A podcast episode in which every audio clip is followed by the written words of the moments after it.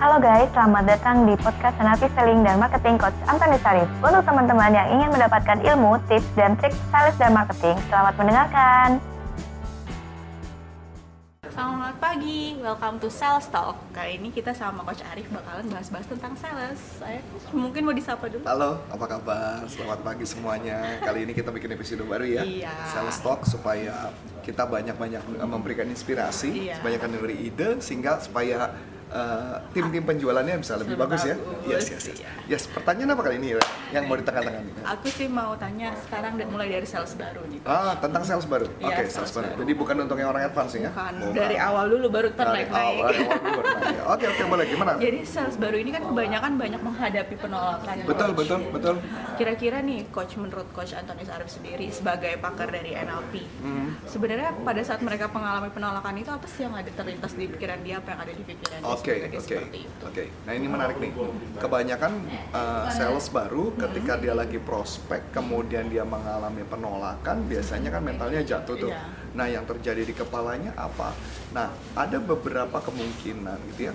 Yang kemungkinan pertama di konsep NLP ada yang istilahnya namanya setiap ketika ada ada kejadian event sebuah situasi itu informasi masuk ke dalam otak. Begitu masuk ke dalam otak kemudian dia me- melihat dari berdasarkan persepsi pengalaman-pengalaman dia informasi yang disampaikan oleh orang lain maka dia bisa saja memunculkan informasi bahwa aduh kayaknya pengalaman masa laluku kalau ditolak itu kayaknya malu-maluin bikin malu keluarga dan muncullah persepsi-persepsi yang aneh. Sehingga menyebabkan mental mereka jatuh maka mereka hasilnya nggak gitu bagus tuh jadi di kepalanya muncul persepsi dengan hasil dari pemaknaan-pemaknaan di dalam kepala. Makanya wajar kalau mereka down. Iya. Sebenarnya kalau mama orang tersebut tidak memberikan pemaknaan atau tidak mengalami pemaknaan tertentu, maka dia akan hasilnya akan lebih bagus. Oke, jadi jangan memberikan pemaknaan. Ah, ah, saya ambil contoh gitu ya. Yang paling gampang simple adalah ketika kita prospek gitu ya, ketemu orang kemudian ditolak. Sebenarnya kan mungkin badan kita merasa kayak gemeter, nggak nyaman gitu. Perasaan yang ada ada perasaan sensasi sensasi tertentu. Kemudian ketika kita ngobrol sama temen, kita tanya, eh kenapa sih gue kok kayak gini? Temennya sering ngomong gini, ah lo kayaknya lagi apa eh, kayaknya mentalnya down nih, kayaknya lo lagi cemas nih, kayaknya lo lagi kecewa dan sebagainya. Padahal itu belum tentu kadang-kadang sebenarnya perasaan sensasi di tubuhnya sama, cuman dia memberikan pemaknaan label yang berbeda.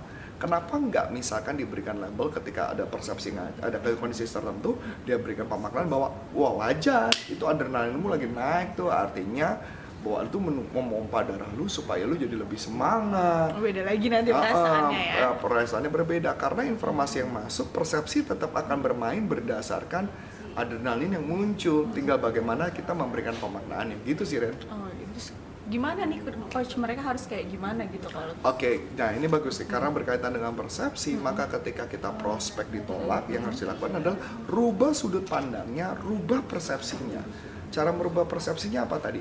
Ketika dapat informasi yang masuk dan itu hasilnya negatif, sama kita diganti kalimatnya bahwa itu adalah hasil yang positif. Misalnya tadi, ah enggak kok itu artinya artinya bahwa saya tuh lagi semangat, saya lagi excited gitu ya. Contoh atau ketika nelfon dialami penolakan diberikan makna bahwa wajar namanya lagi belajar ya enggak Hmm, iya. nah jadi yang harus dilakukan adalah tuliskan dulu semua yang muncul-muncul di pikiran penolakan-penolakan itu apa efeknya setelah ditulis kemudian dibuat pengalihannya dengan cara tadi dibuat arti positifnya apa Oke. arti positifnya apa ditolak ditolak artinya uh, lagi belajar, baru belajar ya kan? Nah, Kalau ditolak artinya wah ini mempersiapkan untuk menjadi juara, misalkan kayak gitu. Jadi bikin semua kalimat tersebut menjadi positif. Ditolak artinya mesti belajar lebih keras lagi Iya. supaya orang mau kan gitu loh ya. Ditolak artinya wah ini ntar lagi bakal jadi orang kaya gitu kan. Hmm, bisa, Jadi bisa. dibikin balik-balik kalimatnya semua maka hasilnya akan lebih positif. Oke. Maka yang terjadi adalah apa? Yang dilakukan bisa saja di depan kaca atau apa pun melakukan ngomongan untuk pembalikan tersebut supaya hasilnya lebih semangat gitu loh Ren. Iya bisa ya. Kayak Menarik gitu. ya? Menarik banget. Hmm. Terus ada nggak nih coach pesan-pesan dari coach Arif nih untuk nextnya mereka harus kayak ah, gimana? gini nih, yang ini yang jadi masalah bukan cuma sekedar merubah persepsi saja, tapi bagaimana ngadapinnya kan. Iya. Nah, saya kebetulan ada satu teknik yang menarik itu didapat dari salah satu trainer yang sangat terkenal di uh, di, di Kanada, kayak orang Kanada. Dia latihannya ada yang namanya, namanya disebut namanya conditioning. Conditioning. Jadi uh, biasanya setiap manusia punya kelemahan uh, punya kelemahan dengan kata-kata tertentu. Misalnya contoh Iren punya kelemahan misalnya setiap dengar kalimat "Eh, Mbak Iren aku nggak punya duit, mental Mbak Iren jatuh. Nah, atau misal orang ngomong nanti dulu ya, terus mentalnya jatuh. Nah, oleh sebab itu makanya biasanya saya minta orang untuk menuliskan tiga saja yang membuat mental breakdown ketika ditolak, gitu ya. Iya. Nah, setelah itu kita akan melakukan jadi orang yang tersebut latihan sama sama temennya berdua, dia menyebutkan satu kata, misalnya satu kata yang ditakutin. Misalnya contoh Iren misalnya takut contoh misalkan ntar dulu gitu ya. Ntar dulu. Misalnya ntar dulu. Nah, kemudian saya yang jadi customernya. Iren yang salesnya yang punya problem tersebut. Nah, kita coba role play Iya, aja ya. oke, boleh. Bisa ngomong kayak gini. "Eh, Mbak Iren, nanti dulu ya. Nah, biasanya kan orang yang udah mental jatuh kan langsung Ah. jatuh ya Biasanya ekspresi mukanya langsung beda. langsung ekspresi muka beda, kemudian jatuh, mentalnya breakdown. Nah, kita yang dilakukan adalah apa? Tugasnya si salesnya menyiapkan skrip untuk langsung menjawab dan tidak ada boleh kata jeda sedikit pun. Nggak boleh dong, eh, eh, tapi nggak boleh.